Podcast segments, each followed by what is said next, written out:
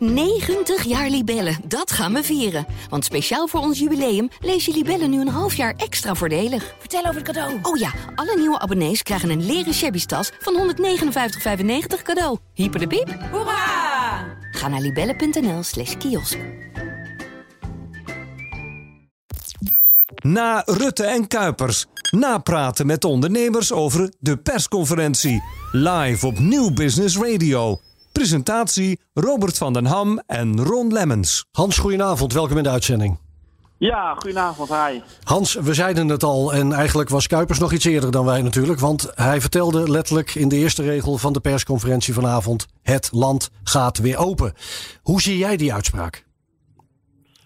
Nou, ik denk vooral een grote opluchting voor heel veel mensen in deze samenleving. En natuurlijk vooral ook voor ondernemers.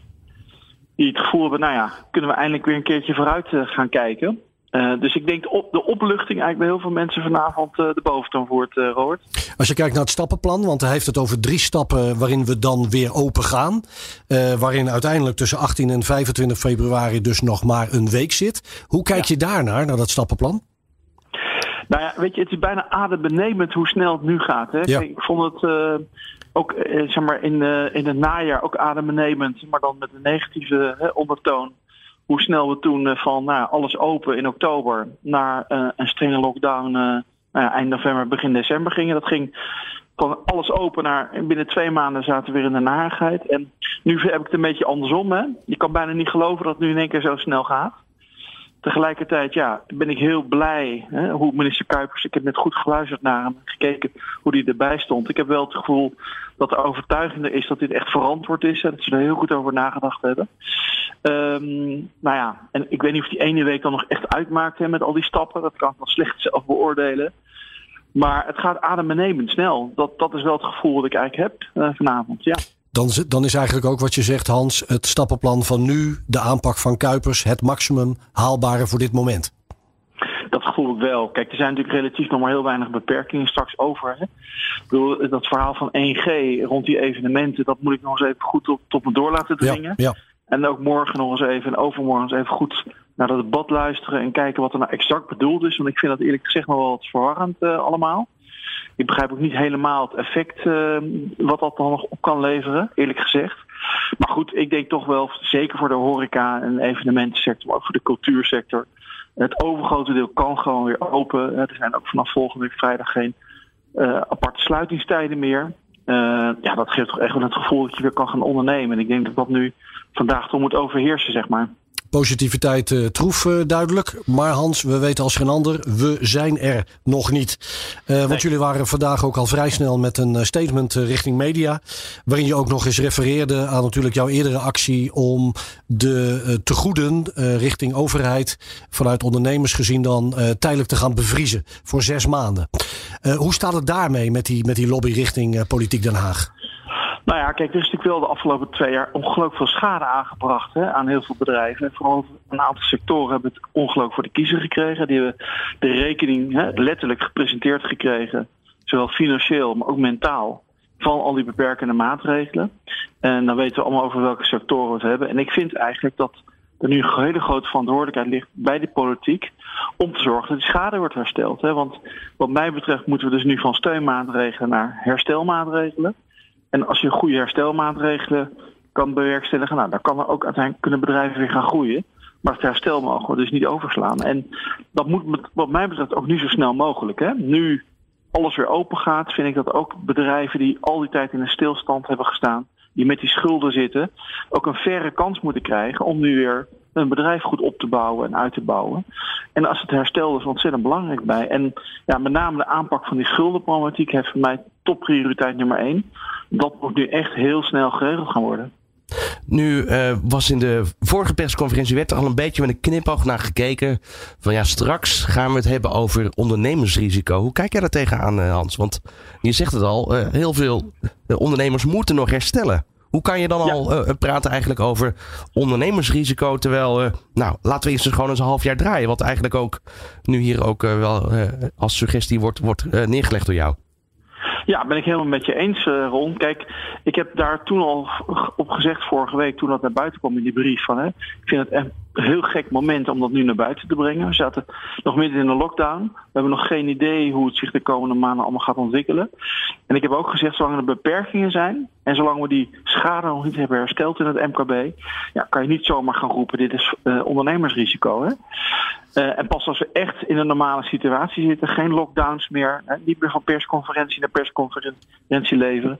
Uh, en die schuldenproblematiek is, is echt een beetje opgelost. Nou ja, dan kan je inderdaad misschien weer praten van een normale situatie. Maar dan zijn wel die stappen die ik net noem, eerst uh, heel essentieel. En kijk, je merkt gewoon, ik ben ook de afgelopen dagen en ook vorige week veel op pad geweest, met veel ondernemers gesproken. Ook samen hè, met de ondernemer, ondernemers gesproken bij ons het ondernemershuis vorige week.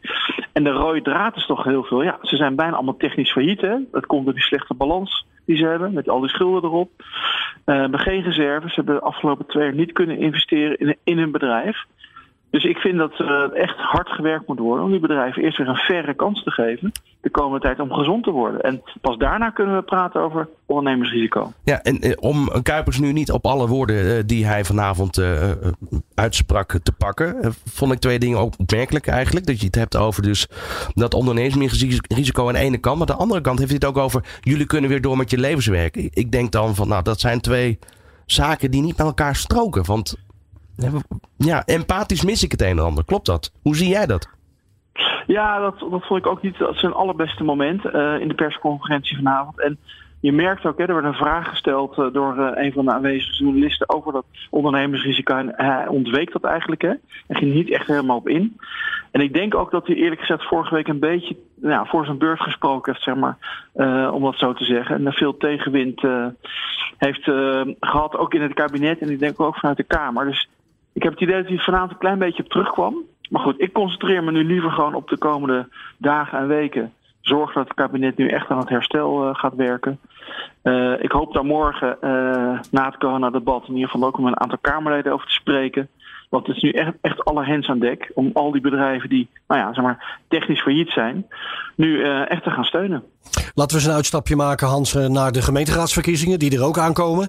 En ja. waar, hè, dat, dat, was natuurlijk ook het, het, het, verhaal, de sentimenten jegens coronamaatregelen, nu ook een versneld tempo zomaar eens een rol gespeeld zouden kunnen hebben, jegens positief sentiment. Um, ja. Als we kijken naar die gemeenteraadsverkiezingen, het leeft nog niet echt. Als we dan kijken naar ondernemers en politiek Den Haag bij jou om de hoek. Wat zou er dan met de wetenschap vandaag eigenlijk bovenaan die agenda moeten staan? Uh, nou ja, dat vertrouwen terugwinnen hè, bij ondernemers. Hè. Kijk, het vertrouwen van ondernemers in de politiek is ongelooflijk laag.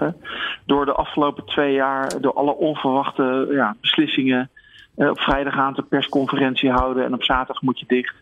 Dat heeft tot heel veel uh, wantrouwen geleid. Dus ik denk het allerbelangrijkste dat vertrouwen terugwinnen weer bij ondernemers. Ja, dat begint gewoon met een, een helder en eerlijk en stabiel beleid. Dat begint met inderdaad nu proactief naast die ondernemers gaan staan. En ze ook helpen uh, uit de ellende te komen. Ik denk dat dat hele belangrijke zaken zijn. Um, en ja, ook echt in gesprek met de ondernemers. Hè. Ik heb een uh, goed voorbeeld gezien nu in Utrecht, hè, waar de stad Utrecht, zeg maar, de gemeente Utrecht, alle ondernemers nou, proactief heeft benaderd. Om te kijken, hey, wat kunnen we dat voor je betekenen? Kunnen we dat voor je doen? Nou, dat is heel goed gevallen bij heel veel ondernemers. Dat ze een keertje proactief zijn gebeld. Ja, kunnen we je helpen? En ja, dat soort voorbeelden vind ik dan wel weer vertrouwenwekkend. En ik hoop dat dat ook in de rest van Nederland nu gevolgd gaat worden, dat voorbeeld. Want ik denk dat de ondernemers dat echt als steun in de rug ervaren om er weer uit te komen. Heldere boodschap. Hans Biesheuvel, voorzitter van ONL voor Ondernemers. Dank voor je reactie zo snel na deze persconferentie. Graag gedaan.